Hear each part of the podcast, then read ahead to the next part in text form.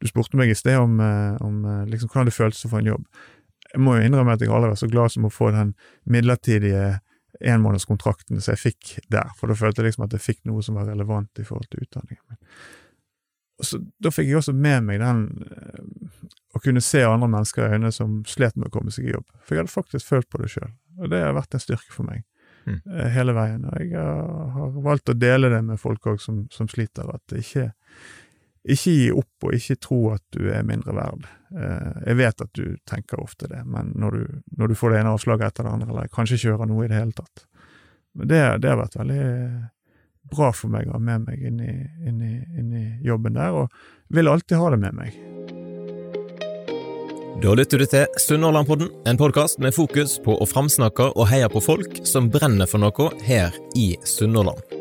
Du som lytter, vil bli bedre kjent med de som står på som gründere i næringsliv, idrett og kulturliv.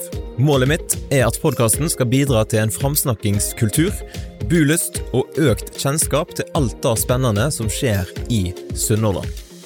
Vil du vite mer om podkasten og hvordan du eventuelt kan bli en samarbeidspartner? Sjekk ut sunnhordlandpodden.no. Og jeg setter stor pris på om du er med og deler podkasten med noen som du tror kan ha glede av den. Nok om det. Her er dagens episode. Den 21. august hadde Tommy Johansen sin første dag på jobb som øverste leder for sånn ca. 1600 ansatte i Stord kommune, han gikk inn i stillingen som kommunedirektør, og i dag så har han tatt turen inn i studio for at du som lytter skal få bli litt bedre kjent med han, og kanskje få et lite innblikk i hvordan det er å være kommunedirektør her på Stord. Velkommen til Sunnmørpodden. Tusen takk for det. Jeg liker å spørre om eh, hvordan er ditt forhold til podkast, sånn i starten. Er du en podkastlytter? Jeg hører noe podkast, men jeg har en kone som er mye flinkere. Og, og hun, vi har ofte samtaler rundt, uh, rundt uh, podkaster som hun har hørt på. Hun er veldig sånn, hun hører lydbøker og litt sånn. Jeg er ikke, jeg er ikke helt der. Men, uh, men, jeg har lytta til en del podkaster. Jeg tenker det er jeg ser en del podkaster, faktisk. altså sånn Du har fått noen lenker på, på, Facebook og litt sånn. Så det er en del temaer som jeg, som jeg syns er interessante. og, og, og og så, og så nærmere på, så får du gå litt mer i dybde enn det som du vanligvis får i et nyhetsbilde. Ja. Hørte du episoden med Gaute?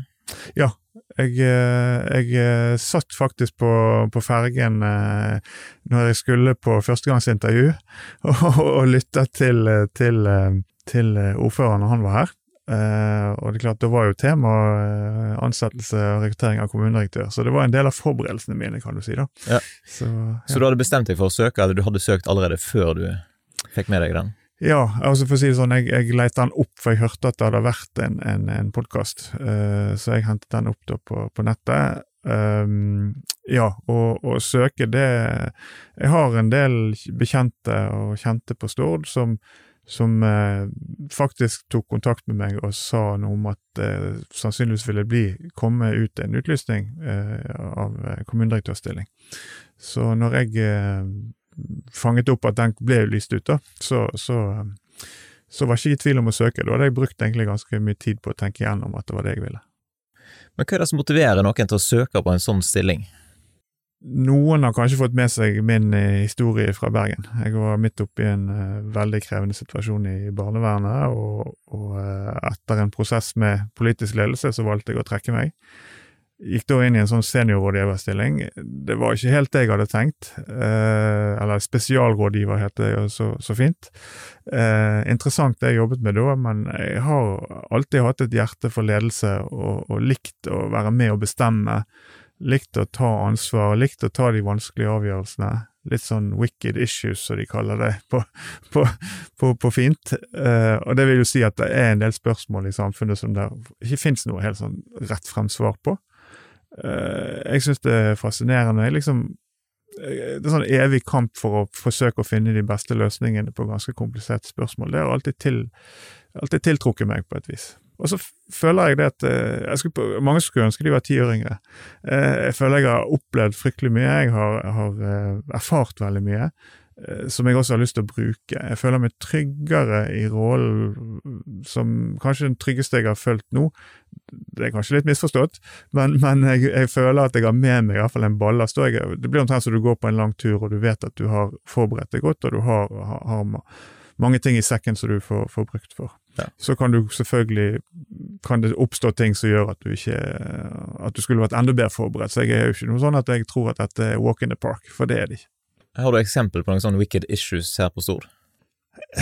Ja, altså Wicked altså, Hvis jeg kan dra det litt sånn i litt større sammenhenger, så har jeg hatt eh, ansvar for personer med, med rus og psykisk helseutfordringer. Og vi har jo nå en, Det har jo vært en eh, psykiatrireform som innebærer jo som en, egentlig en flott reform.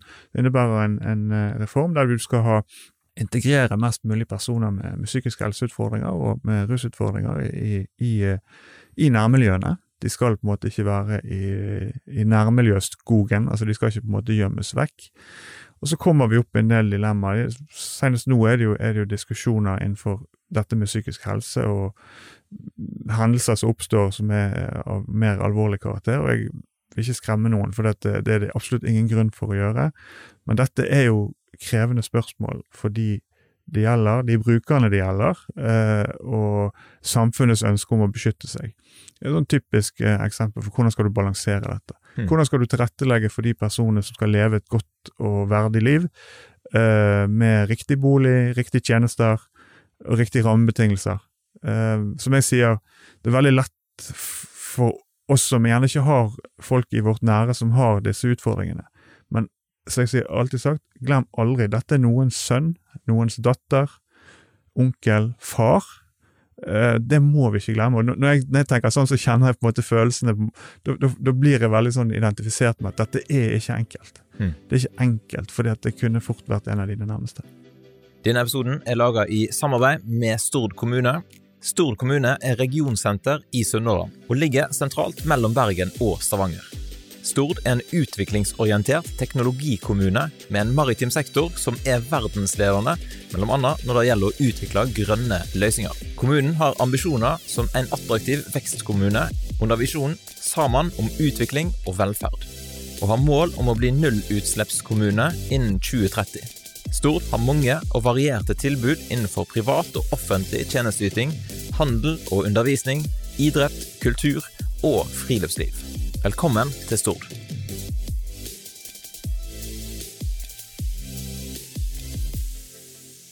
Ok, Tilbake igjen til ferja. Du satt og lytta på, på podkasten og skulle inn i møte med, med rekrutteringsbyrået Human. Mm. Hvordan opplevde du rekrutteringsprosessen her til, til stillingen? Eh, veldig grundig. Eh, kanskje den mest grundige jeg har vært igjennom. Eller det er vel den grundigste. Jeg har ikke vært igjennom sånn voldsomt mange, men jeg har vært igjennom fire-fem runder i en, en, sånn situasjon, så det er uten tvil den mest grundige jeg har, har opplevd. Eh, veldig eh, interessant å se det engasjementet hos eh, de politiske lederne som satt der. Det var jo gruppelederne, det var jo stort sett eh, medlemmene i formannskapet som var der, med ledet av ordfører. Veldig Når jeg hørte podkasten og merket hvordan alvoret var rundt eh, intervjuet, så så var de virkelig til stede og virkelig eh, grundige, og du, du, merket ingenting av det sånn partipolitisk skille. Her, her, var det de som personer og den kompetansen de hadde med seg inn, og deres genuine ønske om å finne beste kandidat. Eh, det var i hvert fall min opplevelse. Hvordan føles det å få tilbud om en sånn jobb? Det er veldig det er en, det, det er både en sånn lettelse, og så er det jo en ære. For jeg vet jo at jeg har konkurrert med mange uh, kompetente uh, personer som har søkt. Uh, og, og jeg, jeg Nei, det er en veldig, veldig god følelse og en glede. Det er det. Og for dette det var ganske krevende. Det var masse forberedelser som skulle gjøres. Du skulle presentere ting, du skulle komme med, med forslag til hvordan du ville løse ulike utfordringer som er i Stord kommune, f.eks. på økonomisiden. Eh, og, og, så det var mye, mye forberedelser. Så du var liksom på scenen. Og så hadde du en bolk der du, var, der du hadde gjennomført en del tester som ble gjennomført av, av, av rekrutteringsbyrået, som gikk igjennom på en måte hva type du er, og hvordan du svarte ut på en del spørsmålet. Ja. ja. Så du var rett og slett rett mann for Stord? Eh, det håper jeg. Eh, virkelig. Eh, det har vært mitt mål, og, og, jeg har vært veldig tydelig på det at det, det må jo det er andre som kjenner stort bedre enn meg. Eh, jeg var meg sjøl så langt jeg kunne, og var ærlig i intervjuene. Sa noe om hva jeg mente som var mulig, og hva som Ja, jeg, jeg sa vel det så enkelt, og det har jeg sagt uh, andre òg, at jeg har ikke noen tryllestav i baklommen. Så jeg, jeg prøver heller ikke å, å selge meg sjøl som, som, at jeg eh, utfører magiske ting. Men jeg prøver å være så ærlig som mulig, sånn at det de får, er det de har Det jeg har presentert. Så, så jeg håper det at jeg innfri forventningene. Jeg føler for hver gang jeg møter de jeg har hatt, så føler jeg at de har gitt meg en voldsom tillit som eh, setter meg under press, men et positivt press. Mm. Vi skal få høre mer om jobben, og så har jeg fått diverse spørsmål fra lyttere som jeg skal gå inn på, men det er kjekt å høre litt mer om deg og, og din historie, eksempel oppveksten i Arna. Fortell litt om hvordan det var. Ja, jeg har jo foreldre som, eh, som eh, Min far han var sjømann. Så han, eh, han, var jo sjømann på et tidspunkt på, på, på 60-tallet, 70-tallet. Han var jo sjømann fra han var 15-16 år, reiste han ut. Så han var jo på en måte Det var jo mer vanlig før at folk reiste på sjøen eh, hvis ikke de, hvis ikke de tok utdanning. Uh, han gjorde det, og, og, han var jo så lenge vekke at jeg nesten ikke kjente han igjen når han kom hjem. Sant? Altså Han var, reiste utenriksfart. da. Så det var jo min mor og, etter hvert min søster, som er, er tre år uh, yngre enn meg, som, som etter hvert flyttet til Arna. Da var jeg fire år, tre-fire år gammel. Og det var sånn egentlig en litt sånn For de som kjenner Bergen, og, eller kanskje kjenner Arna så godt, så var det der var det mye Det var en egen bydel, eller det var en, det var en egen kommune i 1972, så det, gikk det over til Bergen. Men veldig sånn landlig med bondegårder, og det var mye sau rundt blokk... Men det bygget da, så boligbyggelaget bygget da blokkleiligheter, som vi har sett i mange steder, i Fyllingsdalen, i Oslo, i, altså som var billige Dette var jo sosialpolitiske grep man tok for at uh, også personer med liten inntekt skulle få eie sin egen bolig. Så vi flyttet inn der med Det var to soverom og kjøkken og, og stue, og, og, veldig sånn sosialt. Det var masse unger der, og selvfølgelig fordi det var, var nyetablert. Så jeg har hatt en veldig sånn trygg og, og god oppvekst i, i, i Arna med eh, jeg, til, jeg er til og med så gammel at jeg gikk på skolen annenhver lørdag. Såpass? Ja, ja, det gjorde jeg. Da måtte vi gå riktignok tre-fire kilometer. Det er helt uhørt i dag, da. Men eh, det var jo helt, helt vanlig. Men annenhver lørdag var vi på skolen, faktisk. Um, det var min, i første klasse. Andre klasse så, så, så, var, ikke, så var, ikke, det lenger der. Så, ja. Håndball har jeg forstått, det har vært en viktig ingrediens i livet? Eh, veldig viktig. Helt fra jeg var sånn ja, ni-ti år, så begynte jeg i idrettslaget Bjørnar, som er stor og, og, og, og tung i, i, i, Arna. De fleste kjenner vel kanskje best Arna-Bjørnar, som har eliteserielag for, for, for kvinner. Eh, men det har også vært eh, Jeg kan nevne eksempel Maren Mjelde, som flere kjenner til, som spiller på landslaget, kaptein på landslaget. Hun er også norgesmester i håndball med, med Bjørnar håndball for kvinner. Eh, på herresiden så var man helt oppe i nest øverste divisjon og har fostret veldig gode spillere som har spilt på landslaget. og Jeg ble jo aldri sånn kjempegod. Jeg var veldig seriøs, jeg hadde veldig lyst til å bli veldig god. så jeg har lært meg, å, har lært meg også å, å, legge mye arbeid i ting som du alltid, som noen ikke lykkes med, og det har jeg tatt med meg. Jeg tar ingenting for gitt. Eh, samme hva utdanning du har, samme hva bakgrunn du har, samme hvor lyst du har på en jobb, eller hva du har, så, så spiller det ingen rolle, egentlig. Det er andre ting som, som, som spiller inn. Um, så, så, jeg har liksom tatt med meg litt det at jeg uh, skal, skal, være så ærlig som at jeg hadde faktisk landslagsambisjoner. Altså det å tre opp i det øverste. Men jeg var rett og slett ikke god nok. Jeg hadde ikke det så, uh, Jeg hadde treningsviljen, og, og, og, men, men uh, ble aldri noe sånn uh, fantastisk håndballspiller. Men jeg hadde det fantastisk gøy med håndball. Det var jeg. Hvor mange år holdt du på da? Jeg holdt på i ja, igjen, sånn nærmere sånn 17-18 år, ja. ja. Men så har jeg vært trener i 20 år for ungene mine, blant annet. Så jeg har, jeg har vært mye med i håndball og trent sønnen min i ti år og datteren min i seks år. Og uh, trent diverse lag og vært med i styre og stell i Bjørnar håndball og ja. ja. Så, jeg, eh, så jeg har uh, brukt mye tid der uh, i, i, og, og, fått mange venner. Jeg har venner i dag. Jeg, vi har en gutteklubb blant annet, med, med stort sett som er i hovedsak da, personer som jeg har spilt håndball med. Da. Så vi møtes en gang i måneden og, og, og lyger og løyer og, har det veldig kjekt i lag. da. Ja. Uh, ja. Men var du noe innom Stord og spilte mot eh, Stord håndball? Ja da, det var jeg. Eh, da var jo på en måte Stord eh, fremdeles et lag litt sånn ikke veldig kjent og litt sånn ut, utkantlag. Og så eh, har jeg fulgt Stord, utviklingen på Stord i forhold til det å, å tiltrekke Både å, fostre veldig gode spillere sjøl, eh, og etter hvert også eh, tiltrekke seg trener fra Sverige. og Det er klart at Stord ble jo et veldig sånn spesiell, spesiell plass og klarte å få dette til, til tross for et relativt begrenset hva skal jeg si, nedslagsfelt. Ja. Så imponerende. Blir det masse håndballdiskusjon om deg og Gaute nå? Det er ikke sånn veldig mye. Vi har ikke så mye tid til det, egentlig.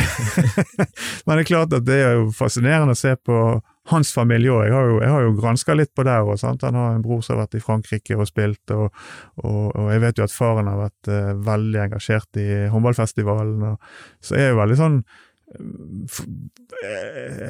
jeg forstår på en måte greien, og det er klart vi, vi kjenner jo en del felles, Vi har jo en del felles kjente, både, både av det eh, det er noe andre slaget. Det er mange, mange personligheter i håndball så det er andre, andre steder. Så når du er på innsiden, så får du liksom en innsikt som er, er litt eh, spesiell. Men klart, meg og Gaute Det er en vesentlig al- aldersforskjell, så han har jo spilt i en helt annen generasjon enn meg, men, men, eh, men eh, veldig, eh, det er veldig spennende. Jeg ser veldig opp til det at han har, han har spilt i, i elite og spilt med, med Stord når det Stord virkelig var på, på det beste.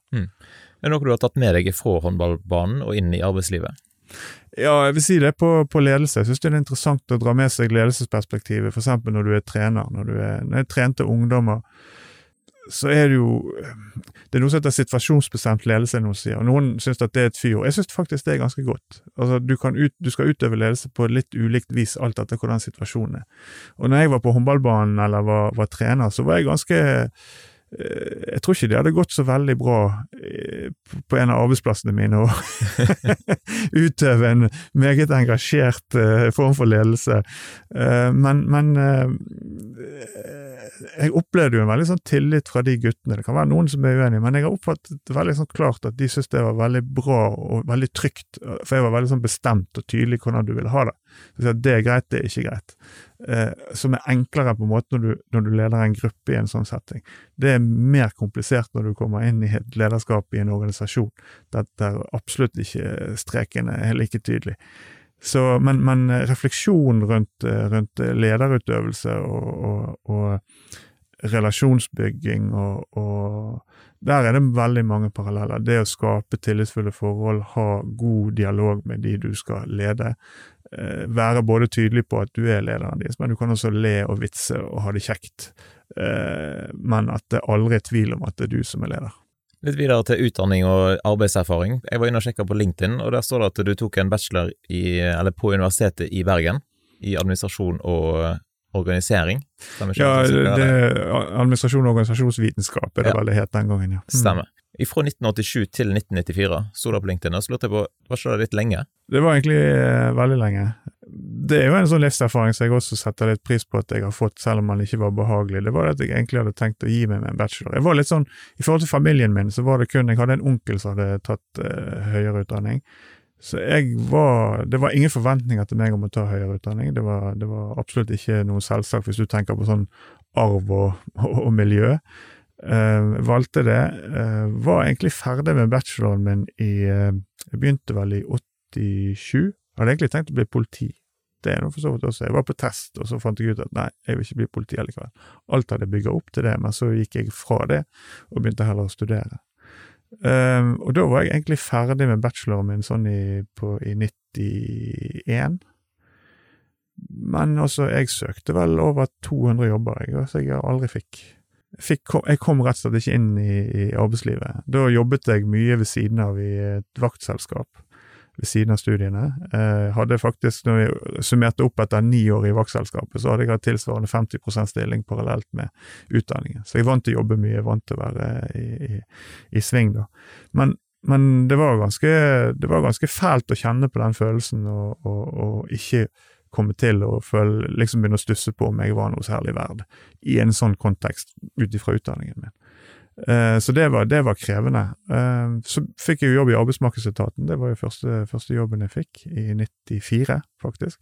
Da hadde jeg utdannet meg på en måte jevnt og trutt. Jeg hadde tatt to jeg å egentlig bachelorgrad, eller to mellomfag, som det het den gangen. Jeg hadde tatt pedagogikk, og for jeg bygget på en måte jeg, jeg, jeg, ga meg ikke på studiene, selv om jeg ikke fikk jobb, men jeg jobbet jo ganske mye da, eh, i, i, i, den vaktjobben jeg hadde.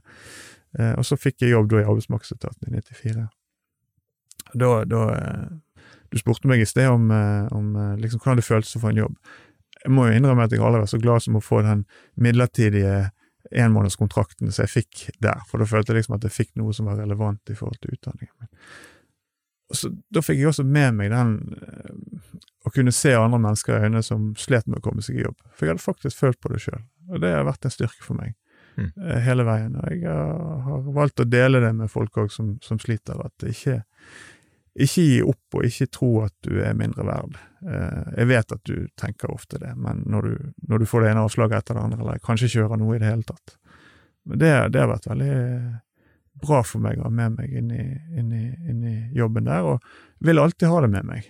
Ikke ta noe for gitt, og ikke, ikke eh, Det å få disse, denne type lederjobber som jeg har fått òg, det, det har jeg veldig sånn eh, en, en, veldig Det er ikke sånn fordi jeg har fortjent det, tilnærming. Overhodet ikke. Det, det, dette er utrolig viktig at det er rett person på rett sted.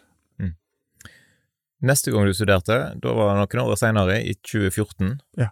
Da var du inne og tok en erfaringsbasert master i styring og ledelse. Det stemmer. Hvordan var det å komme tilbake igjen på studiet da? Veldig kjekt. Fantastisk kjekt. Eh, jeg husker jo det at uh, det var en del ting som Siden jeg hadde tatt administrasjon og organisasjonsvitenskap, så var det en del ting som var som falt over i hverandre. Uh, og det er klart at da satt du jo med uh, det jeg vil si en, en knaggrekke av så du kunne hekte teorier og, og, andre ting på som du leste om i, i, i disse bøkene. Så det var, det var, det var utrolig kjekt å, å, å, kjenne på ok, den teorien, den tilnærmingen, det, det, har du liksom opplevd eller sett eller vurdert inn mot ulike måter å organisere, eh, organisere på, for eksempel. Eh, og også fenomener som dukker opp i organisasjoner, som, som, som, som på en måte er også eh, som på en måte bygger teorier rundt. da. Så, så, så, jeg gikk jo da fra ting som jeg hadde pugget når jeg var på universitetet, eh, til ting som jeg forsto når jeg gikk inn nå. Altså, jeg forsto det fordi at jeg kunne eh, sette det i sammenheng med, med, med faktiske ting. Mm. Så det var, det var kjempespennende.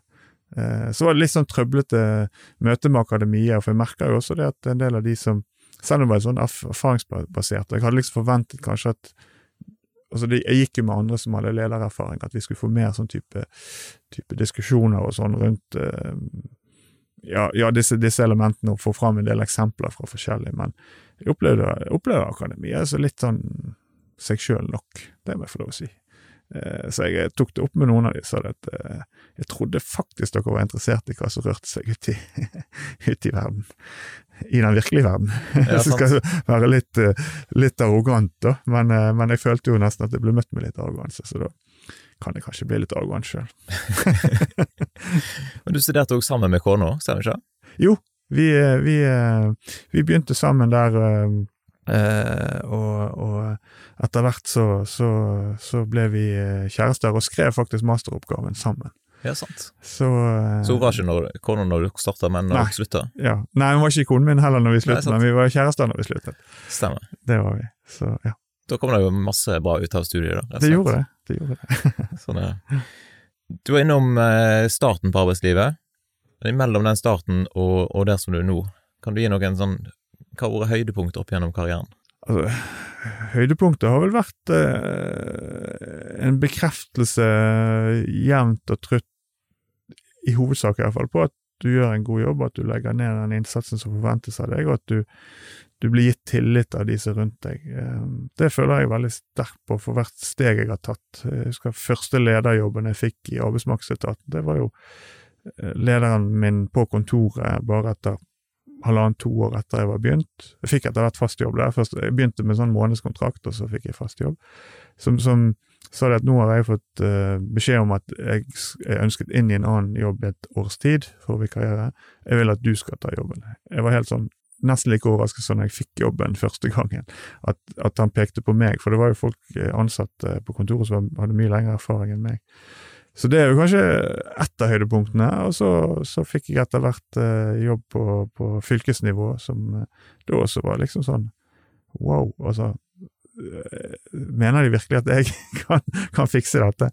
Eh, og så har det nå gått rimelig bra. Eh, etter hvert så er jeg også fylkesarbeidssjef i det som var gamle arbeidsmarkedsetaten. Var siste fylke, fylkesarbeidssjefen i Hordaland. Eh, og da så ble vi veldig kjent med Stord, for her, her, har vi jo et, et miljø på Stord som er veldig frempå. Veldig sånn eh, stiller krav til de offentlige instansene. De statlige instansene. Husker det, vi satt jo med ganske store tiltakspakker med penger til, og, til opplæring og andre ting. Vi var meget aktive her på Stord i forhold til det. Nesten av og til plagsomt aktive. men, det, men, det, er jo sånn med engasjement, sant. De skal jo være, skal være litt, du skal grense opp til plagsom, da. Du må ikke, du må ikke stå med luen i hånden. Og det gjorde man ikke fra Stord, det kan jeg love deg. Her sto man ikke med luen i hånden, her satt man veldig tydelig. Så det, det erfarte jeg tidlig. Men andre høydepunkt er jo, er jo eh, ja, eh, jobbet veldig systematisk. Jeg, et, jeg jobbet jo i, for entreprenøren i bygg og anlegg. Så kom jeg tilbake igjen i Nav, etter jeg hadde vært i Nav det første driftsåret. Eh, og så var det veldig dårlige resultater, og jeg fikk da min sjefen min som heter Anne Kvernland Buksnes, som ville ha meg inn som sin assisterende.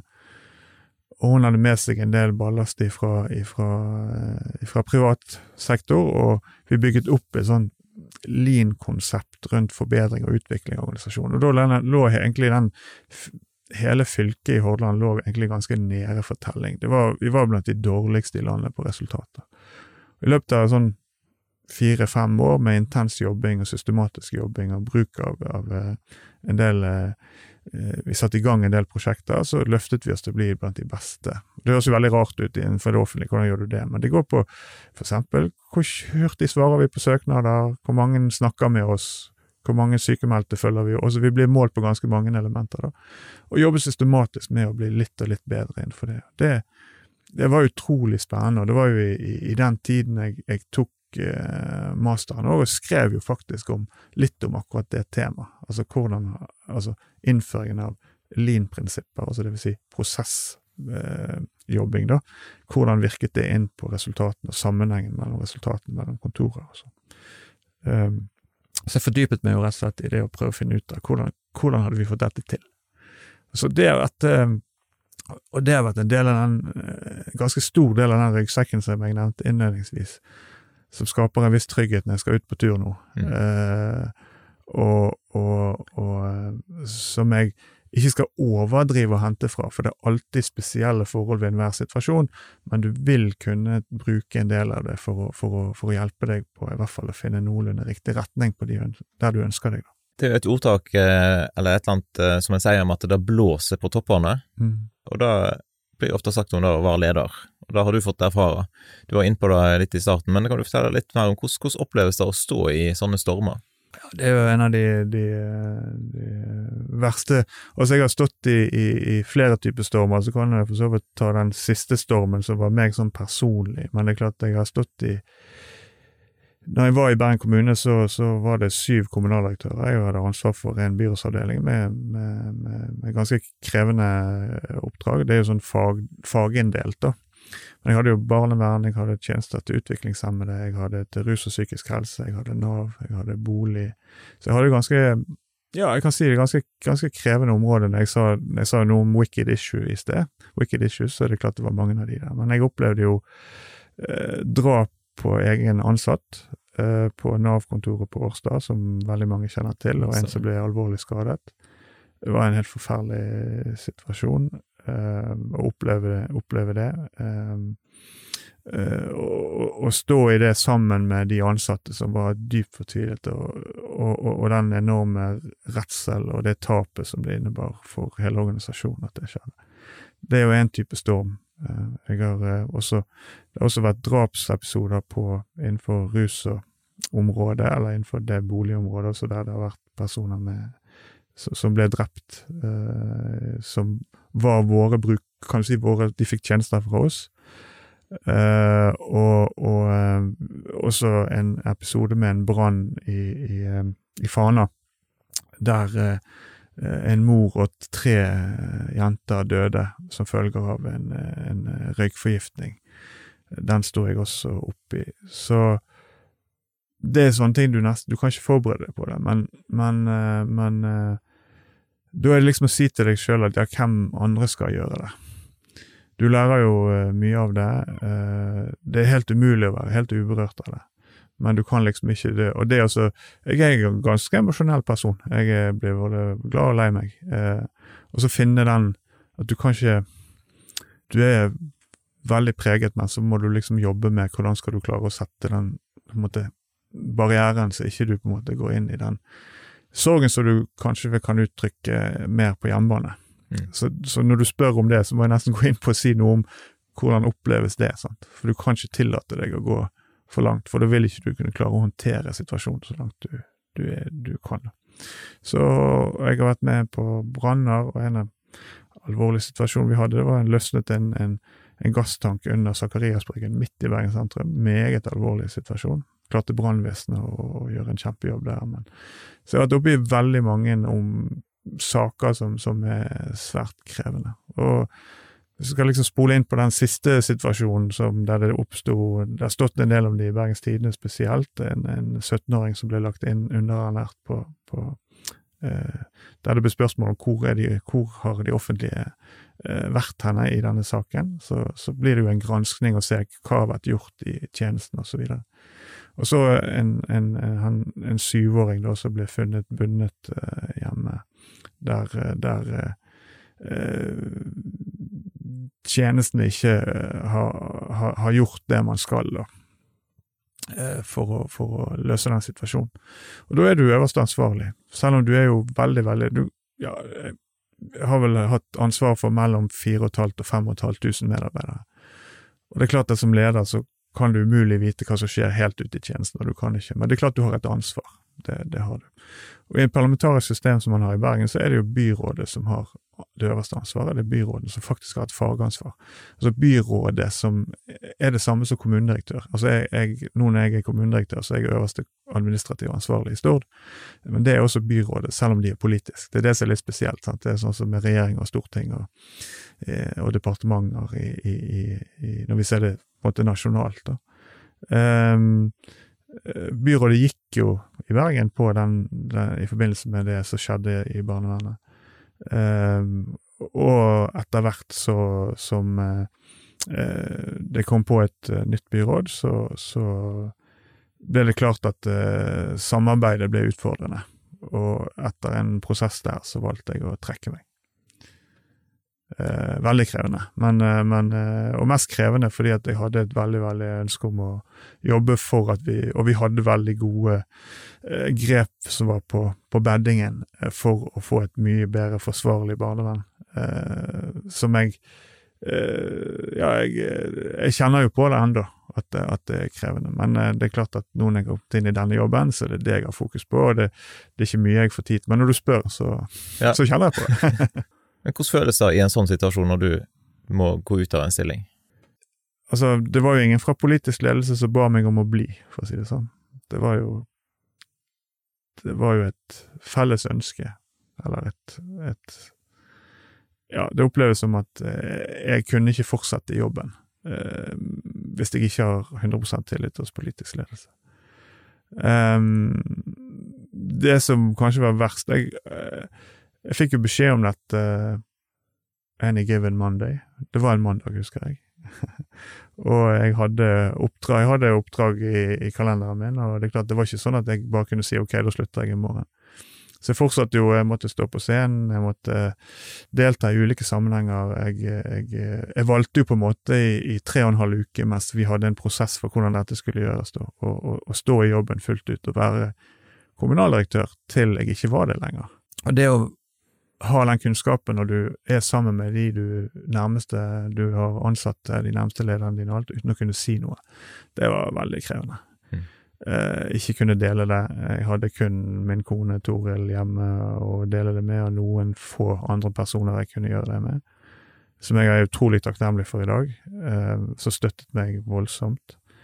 Men det er klart at du får jo et sånn mm, Ja, altså, jeg, jeg, tenkte på det at jeg er utrolig glad at jeg har en solid familie, en fantastisk kone, eh, fantastiske venner.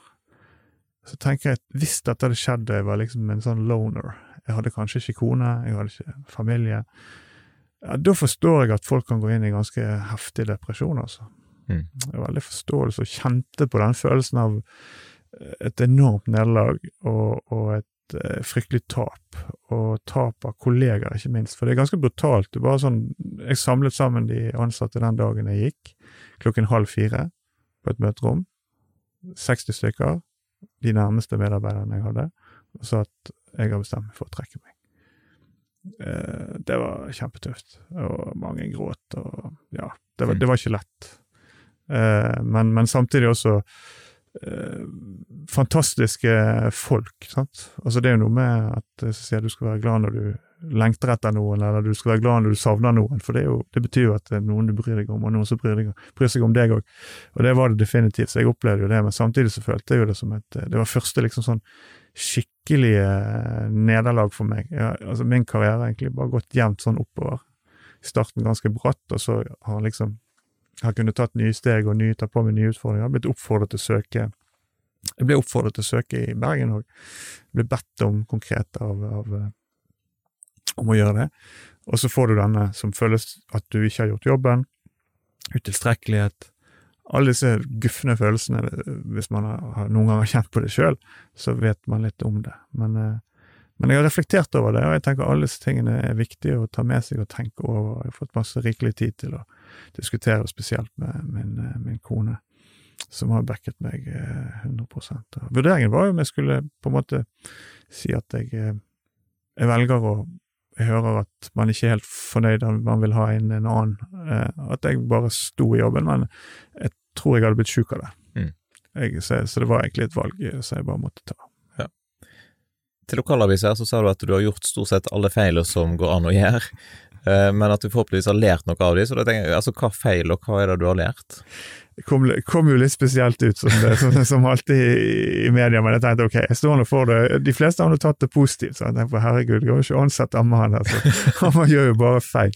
Nei, altså, det jeg sa, det var at jeg, jeg har drevet en del med lederopplæring og lederveiledning og, det jeg merker meg, det er jo det at ofte når du har erfaring sånn som jeg har jobbet lenge, en meget voksen mann, eh, så har du kanskje en del ting som du vil lære videre eller fortelle, eller eh, og så har du også en del teorier, sånn som nå har jeg jobbet med ledergruppeutvikling, og da må du ha et teoretisk forankringspunkt, og du må ha en del ting som du tar opp. Og Det har vært viktig for meg å si at jeg har stort sett gjort alle disse feilene som står her, i forhold til for eksempel relasjonsbygging. Eh, det jo ikke ta fatt i ting når de faktisk er der det, å, det, å, la ting skure og gå eh, Altså, alle de tingene har jeg gjort feil. Altså, jeg har, jeg har gjort det sånn at jeg har vært så jeg sier til de, Det er faktisk litt sånn ubehagelig for meg å lese om dette, eh, fordi at eh, jeg, det jo, dette har jeg gjort sjøl. Eh, og det er viktig for meg å si til de jeg da skal på en måte veilede, sånn at ikke de oppfatter at å ja, her kommer han perfeksjonisten, han har gjort alt rett. Så det var egentlig det, i den, det blir veldig lang greie dette, da, men, men, men, men, det var i den konteksten jeg, jeg, sa det at jeg har stort sett gjort eh, de fleste feil. Ja. Eh, og jeg kommer nok til å gjøre noen feil fremover òg, ikke noe tvil om det, eh, men, jeg er veldig opptatt av å lære å reflektere over de tingene man gjør. Ja. Ja. Jeg fikk en melding fra en som, eh, som har jobba med deg når du var Nav-sjef i Bergen. Eh, og han skrev at det heldige er den som får jobbe sammen med og under Tommy, løsningsorientert og fleksibel, ildsjel som virkelig brenner for de som trenger det mest. Det er ganske bra skussmål å få. Tusen takk for den. Jeg vet ikke hvem det er, men, eh, men Jeg eh, kunne avslørt det òg, men Nei, ja, men det er ikke viktig, egentlig. Det, det Jeg har vært så heldig at jeg, at jeg har følt meg forstått, for det er av og til du tenker at hvem er Tommy, og hvem er direktøren Tommy? Og hvordan skal du balansere det, hvordan du, du, du eh, både får den respekten som, som, jeg har, som, jeg har, sagt til noen som har utfordret meg. Sånn at jeg bryr meg egentlig ikke om om du respekterer meg som Tommy, men du skal respektere posisjonen min. Det er viktig. Du trenger, trenger ikke respektere meg. For vi, vi skal ikke vi, vi, Du må ikke være min eh, jeg, Vi må ikke ha et relasjonelt forhold. Det blir liksom vanskelig å si, men, men det, det, mener jeg virkelig òg, at jeg er veldig opptatt av respekt for den posisjonen jeg har.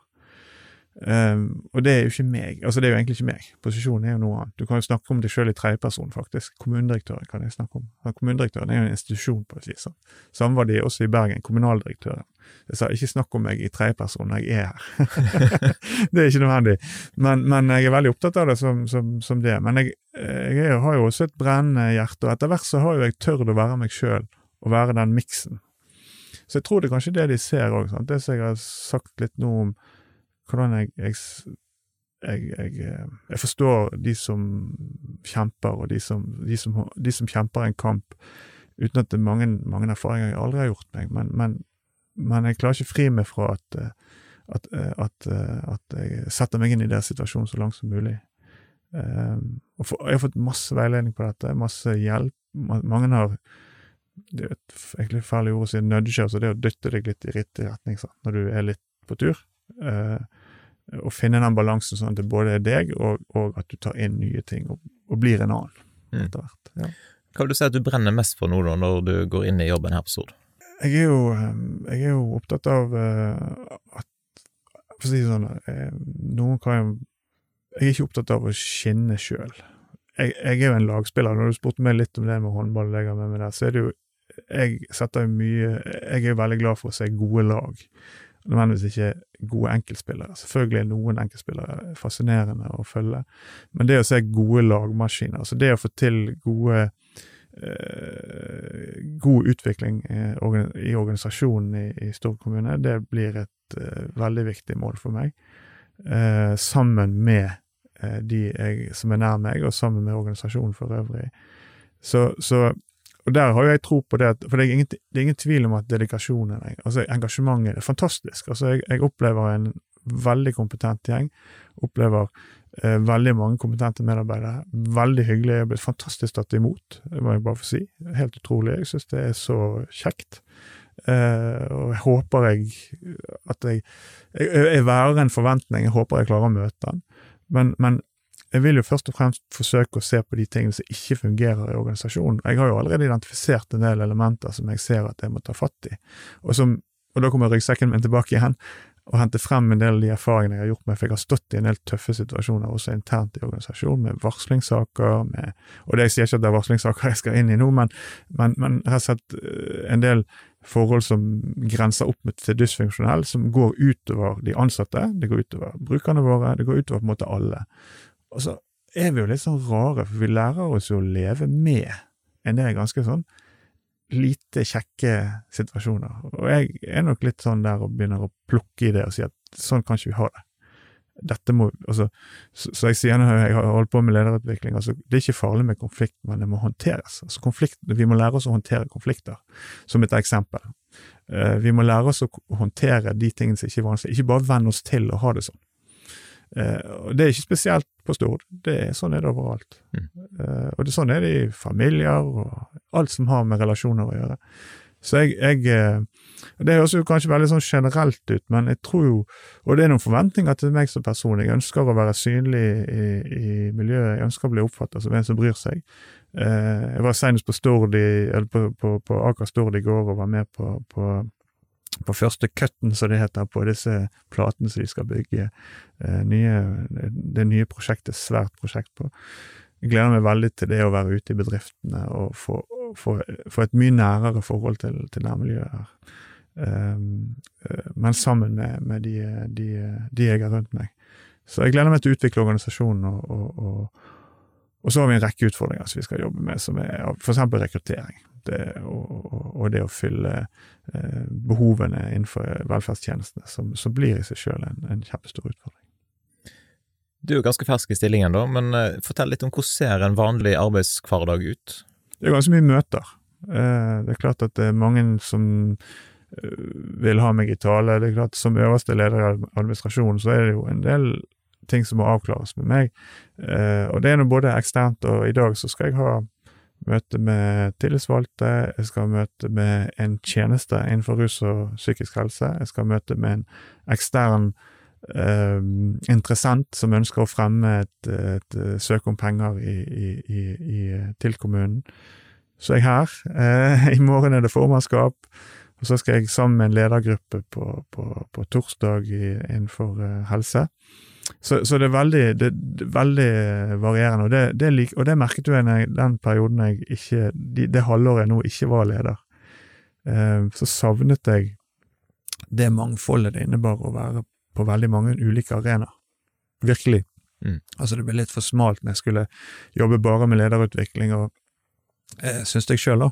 Jeg har veldig lyst til å jobbe med det en eller annen gang, for jeg vet at denne jobben her, ja, i løpet av seks, fem, seks, jeg skal ikke si, men fem, seks, syv år, så er det kanskje riktig å, å tre til side etter et så langt topplederliv som jeg har hatt. Men det, den vurderingen må jeg ta da. Men jeg ser jo for meg at det kanskje er lurt å ha en litt annen jobb som ikke er så krevende, kanskje litt smalere, eh, før man på en måte trer ut av arbeidslivet. Men eh, jeg har heldigvis mange kjekke år igjen, så jeg gleder meg veldig til det. Hvordan opplever du samspillet mellom eh, de folkevalgte politikerne og de som jobber i administrasjonen? Jeg opplever det som veldig godt. Foreløpig så det er klart at det, de, de folkevalgte får jo eh, blir jo, blir jo pepret med en del forventninger fra omgivelsene, alt ifra hvor en skole skal ligge, hva de mener om effektiviteten i organisasjonen, om reguleringsplaner. Så skal de jo de oversette det, de skal både være da eh, på en måte tillitsvalgte for innbyggerne, som er helt rett, og så skal de da tilnærme seg en administrasjon som de også vet at eh, vi klarer ikke å innfri alle forventninger, sant? men hvordan skal vi balansere dette ut? Jeg, jeg, min opplevelse til nå er at at eh, politikerne på Stord, som jeg har snakket med, har stor forståelse for dette. Og så har jeg veldig stor forståelse for og respekt for at de har et oppdrag gitt av velgerne til å levere på noe de lover, eller noe som velgerne ønsker og er tydelige på at dette vil vi ha mer eller mindre av. Eh, og dette skal jo vi da forsøke å få til i en å ivareta demokratiet, som jeg føler veldig sterkt eh, ansvar for, Eh, og samtidig være realistisk i forhold til hva vi kan få til. Du har med deg en veldig god ledergruppe. Fortell litt om hvordan det var å komme inn i den ledergruppa. Det var veldig hyggelig. Jeg kjente en litt fra før. Uh, og så var jo jeg Jeg hadde tidlig sommerferie, så, da, så jeg ble jo Jeg satt jo på hytten og så på kommunestyret når ble når, når vedtaket ble gjort om at jeg skulle få stillingen.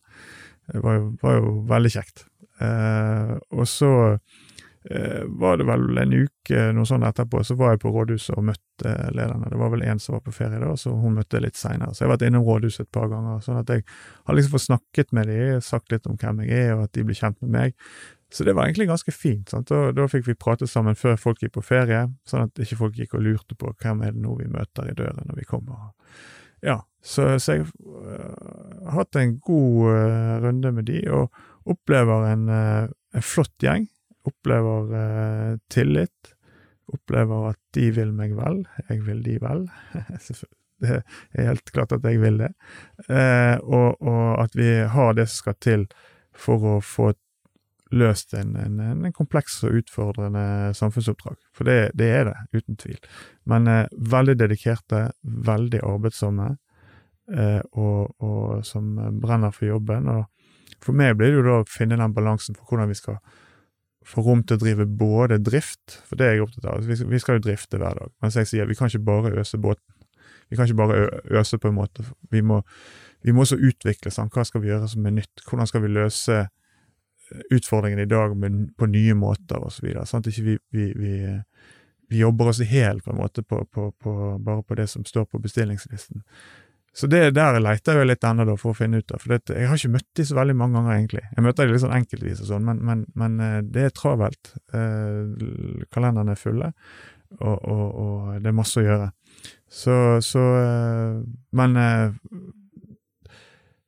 det er mye enklere å få justert folk fra at de jobber veldig mye, og få de liksom kanskje til å hvordan kan vi jobbe litt mer effektivt? Jobbe, ikke, ikke si at vi skal jobbe mindre, men jobbe på en annen måte, sånn at vi får levert det samme, men også få tid til å puste og, og utvikle eh, organisasjonen. For dette blir omtrent som med idrettsfolk, og jeg har sagt det til dem at altså, idrettsfolk er opptatt av at de må hvile og må tenke annerledes hvis de skal bli bedre. Sånn, hvis, bare, hvis det er en som driver langdistanse, bare løper og løper og løper, og løper, så vil han sannsynligvis ikke bli bedre. Så, så, men, men, det er ikke enkelt når, når tingene står i kø. Så, men det blir en del av min jobb å skape det rommet. Mm. Jeg har fått inn noen spørsmål fra folk som lytter, og en lurte på hva, hva ser du på som Stord sin største utfordring i året som, som kommer?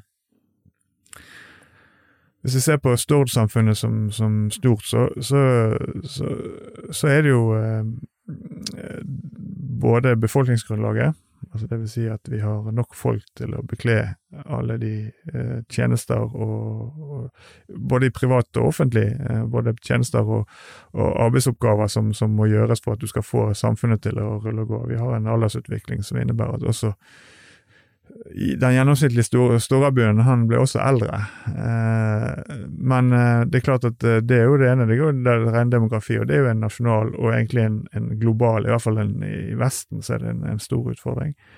Eh, når jeg ser på for øvrig sånn særskilt på, på, på, Stord, så tenker jeg at og det har flere sagt til meg, at uh, Aker Stord er jo en ekstremt viktig motor i, i Stord-samfunnet, og på en måte bærer jo mye av av eh, grunnlaget, inntektsgrunnlaget for også det offentlige, for å drive forsvarlige og gode offentlige tjenester, og er med å, å, å, å opprettholde samfunn med høy sysselsetting og, og um, aktivitet, så er det klart at det, det, man er veldig avhengig av det som skjer der. Det er som jeg sa til meg, det er ikke, altså Konjunkturen og sånn internasjonalt det er egentlig ikke så viktig. Det viktigste er egentlig hvordan det går på Aker Stord. Og, og det er jo på godt og vondt. Eh, vi skal jo være fantastisk glad, vi er privilegert som har en sånn fantastisk eh, tradisjonsrik og, og en, en, bedrift som har eh, på en måte Ja, altså, jeg, jeg syns jo det er litt sånn genet, altså genmaterialet på Stord er mye der. altså Det er den omstillingen, det hele tiden å være i omstilling, være i hardt vær og klare å snu seg, komme inn i smult farvann, og så er det hardt vær, og så klarer man på en måte å komme seg ut og inn av disse situasjonene. Det synes jeg definerer og fascinerer meg med, med, med Stord. Så, så, eh, det er vel flere politikere som sier det å utvikle nye næringer, utvikle et bredere næringsgrunnlag for Stord eh, vil være viktig. Og da går det jo på alt sånn som tilrettelegging som kommunen skal gjøre, til, til å ha attraktive arbeidsplasser, attraktive utdanningsinstitusjoner osv. Så, videre, så, videre. så det er det store bildet, da. Um, og så er jeg selvfølgelig litt bekymra hvis jeg skal snu det på en annen side, at vi er jo veldig opptatt av uh, Kanskje innenfor det offentlige tjenesten at vi vil ha vi skal ha mer tjenester, og flere ting skal løses av det offentlige. Man ser til det offentlige, man ser til de offentlige tjenestene. Uh, dette vil vi ikke kunne gjøre i overskuelig fremtid. Vi er veldig nær opp til en, en grense som, som Stord også har sagt i sin strategi, sant? at må, vi må kanskje løse en del ting sammen. Vi må kanskje se på en litt annen modell. Eh, og dette blir en litt sånn tung øvelse, fordi at de fleste Jeg har jo familie sjøl og andre som har kjempet for å få offentlige tjenester, og da kjemper du for å få så, eh, På et eller annet tidspunkt så eh, må vi finne en måte å løse dette på som er annerledes enn i dag. For vi løser heller ikke alt med penger. Det hjelper ikke å ha penger hvis ikke du har folk. Det, det går jo ikke. Så, så, alt dette her blir eh, spennende å løse sammen med politisk, politikerne fremover. Dette blir en, virkelig en utfordring. Absolutt. Har du allerede nå sett muligheter i eh, framtidig strategisk utvikling av organisasjonen? Du var litt inne på det, at du har eh, sett noen ting som kan bli bedre. Ja, altså eh, Jeg har i hvert fall uh, veldig tro på det at uh, det å gå inn i, inn i deler av tjenesten og se på hvordan kan vi løse det på andre måter. Og Det har jeg opplevd veldig sterkt sjøl. Gjennom å jobbe prosessbasert sammen med medarbeidere som jobber med de konkrete områdene. helt eksempelvis så så Bare som et eksempel på en sånn prosess jeg sjøl var en del av da jeg var, var direktør i, i, Nav, det var det at jeg sto ansvarlig for uh, rekruttering av nye direktører når folk sluttet og sånn, som var direkte under meg. Og så uh, gikk vi gjennom prosessen med å se hvor lang tid tok det fra en sa opp til en vi hadde en ny på plass. Og da så ikke vi for oss de tre månedene som vedkommende som fikk tilbud, hadde oppsigelsestid der han var, liksom. men liksom hvor mye tid brukte vi internt. Og Da fant man ut at, eh, at, det var jo jeg som var den største synderen i forhold til tidsbruk. Altså tingene ble liggende på mitt bord, og så satt det folk rundt meg og ventet. Sånne ting er jeg opptatt av. Eh, senest i Bergen nå så hadde vi et gjennomgang av, av eh, en situasjon med anskaffelse av biler. Det var en tjeneste som, ha, som ville ha to nye tjenestebiler, eh, og så kjørte vi en prosess der, da, og så fant vi ut at hvis de la om litt på organiseringen, litt på tjenesteleveransene sine, så kunne de faktisk kvitte seg med en bil, istedenfor å kjøpe to nye. Dette høres jo veldig sånn Men dette, dette er fakta, for vi legger oss ofte til en sånn at uh, vi, vi, er låst i noen uh, mønstre som vi må utfordre, kanskje, helt grunnleggende, før vi ber om mer, eller Og dette sier jo ikke jeg for at mange sier at jeg har en forkjærlighet for lin, at det betyr at du skal løpe fortere, men det er det som er poenget at du ikke skal gjøre. lin er egentlig litt sånn litt tilbakelent, litt sånn smooth. Du skal få ting til å flyte, rett og slett. Og det heter jo faktisk den masteroppgaven i, som meg og Toril, min kone, skrev, å flyte, å flyte i Nav. Altså flyten, altså flyt er et positivt ord, altså det å få ting til å flyte og ikke stoppe opp. Så det vil jeg være på jakt etter. Så jeg vil prøve å se hvordan kan vi skape rom for å kunne jobbe med sånne type ting innenfor alle mulige deler av tjenestene. For dette kan du egentlig overføre til alt. Og overføre det til heimene nå, faktisk. Jeg husker første øvelsen jeg gjorde, det var at vi skulle prøve å line fra vekkerklokken ringer til du kommer ut. Hva, hva, gjør du, hva er steget du tar? Hvordan kan du få fem minutter lenger på, på, på puten før du står opp? Ja. Hvis du er litt mer rasjonell. Nei, jeg fikk ti minutter lenger på puten. Ja, hva grep tok du, da? Nei, det var det er sånn For det første litt sånn forberedelser om, om, eh, morgen, om kvelden. For jeg er ganske sånn Jeg er litt B-menneske, så jeg er litt trøtt om morgenen. Så hvis jeg skal begynne å lete etter ting, sånn som i dag, så kommer jeg her, og så hadde jeg ikke telefonen det, Jeg kan ikke huske sist det har skjedd. Men da, da, hadde jeg da ladet telefonen i, i veggen, og så hadde jeg, ikke, hadde jeg ikke lagt den tilbake igjen i vesken min. Det gjør jeg jo alltid. Jeg har den alltid i vesken min. Sant? Og det er sånn typisk sånn som du ikke kan styre. Du må vite tingene skal ligge sånn og sånn og sånn, og ikke du kaster vekk tid på å lete etter ting. Og det skal ikke du gjøre om morgenen iallfall, for da kommer du sånn som jeg gjorde nå, så var det litt mange ting jeg skulle lete etter istedenfor å forberede det i går. sånn er eh, Har du noen tanker om hva kommunen kan gjøre for å styrke det frivillige arbeidet?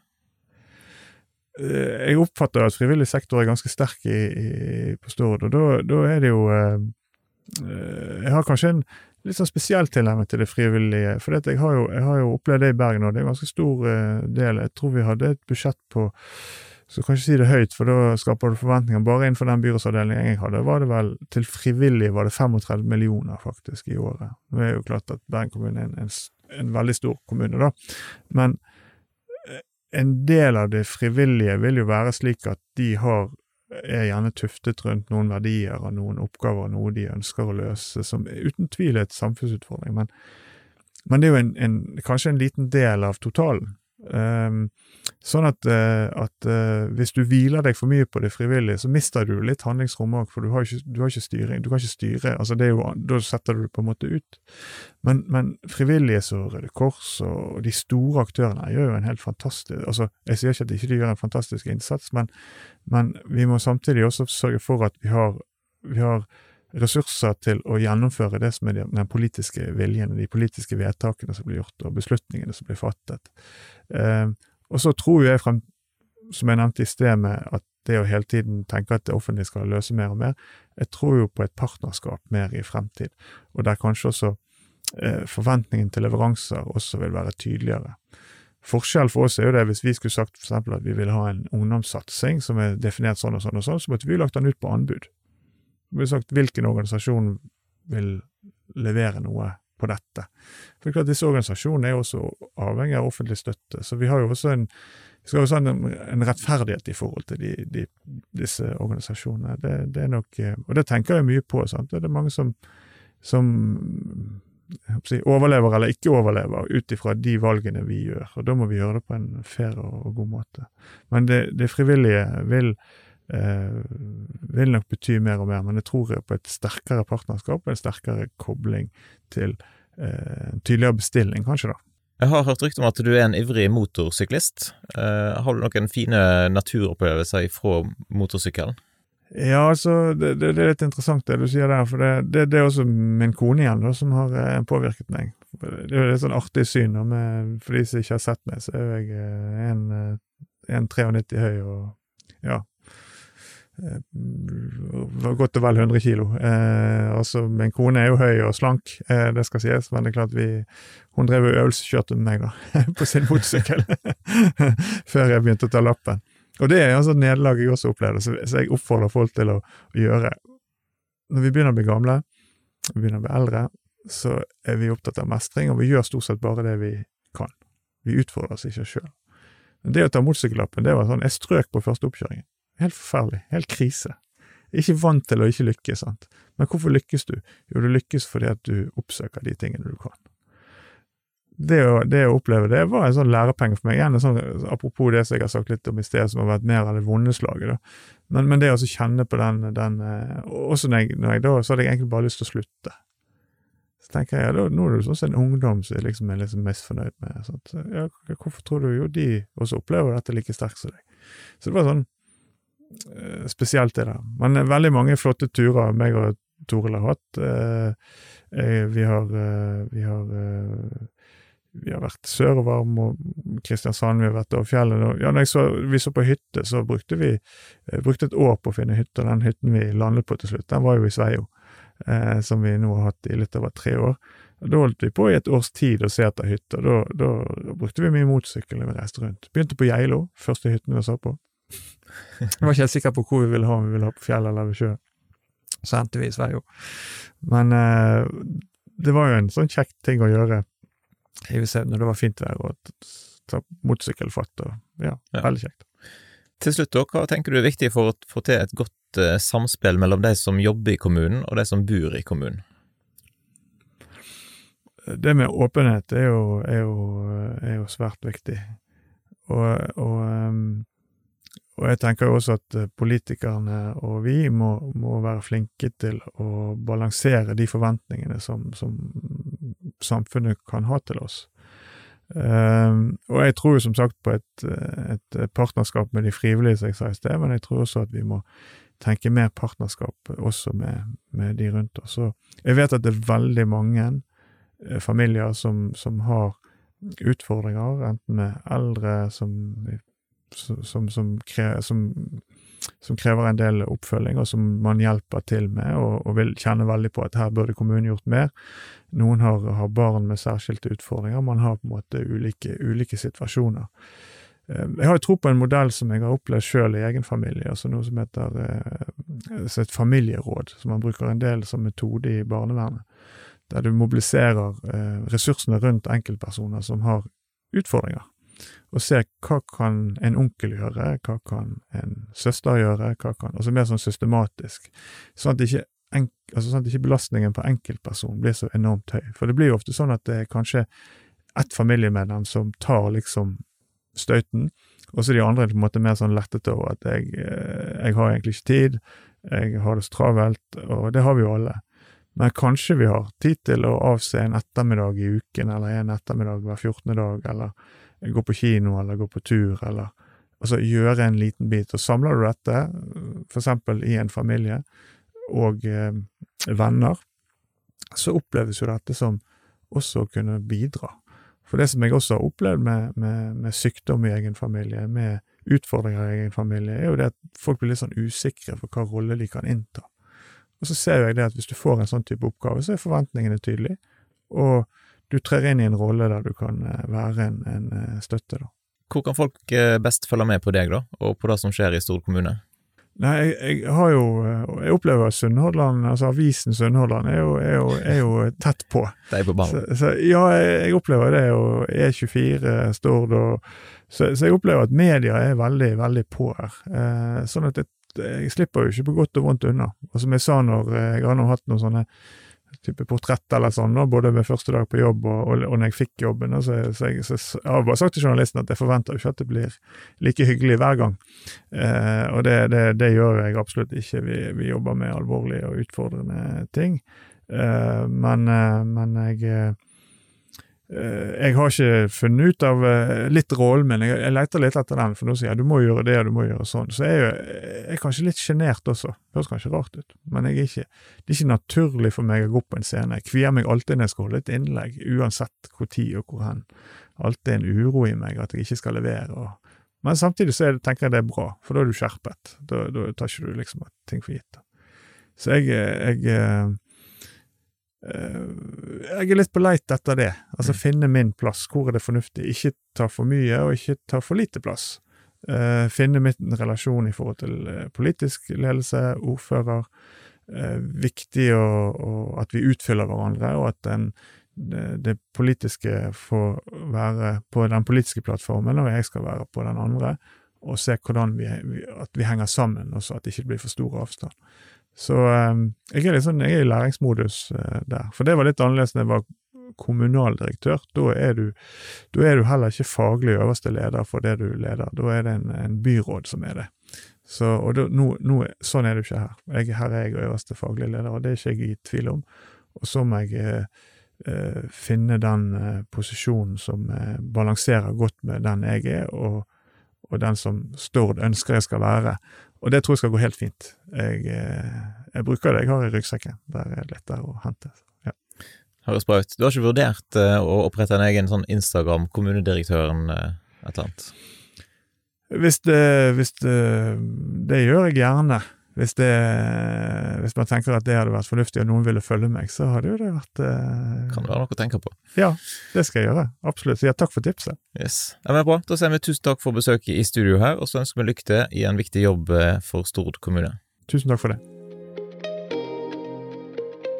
Takk for at du lytta til dagens episode av Sunnhordlandpodden. Og har du lyst til å gi en tilbakemelding, så er det kjempestas om du sender en melding enten til meg eller til eh, gjesten som jeg hadde med meg i dag. Det er alltid inspirerende å høre ifra deg som har lytta til episoden, hva du syns. Har du lyst til å gi podkasten en vurdering i Apple Podcaster eller noen stjerner på Spotify, så setter jeg òg stor pris på det. Har du kritikk og konstruktiv tilbakemelding, så er det jo kjempestas om du sender en e-post til f.eks. post etter sunnhordlandpodden.no. Og Hvis dette var første gangen du lytta til podden, så håper jeg da at du har lyst til å sjekke ut eh, flere episoder i arkivet. Det er så mange gode folk fra Sunnhordland som har vært innom studio og delt om det som de brenner for. Og Jeg håper da at du har lyst til å slå følge med podkasten i sosiale medier. Du finner oss på Instagram og på Facebook. Det er òg veldig flott om du har lyst til å sende inn eh, ønsker og tips om personer som du mener bør være med i podkasten framover. Da ønsker jeg deg en fin dag, og så poddes vi plutselig igjen hvis alt går etter planen.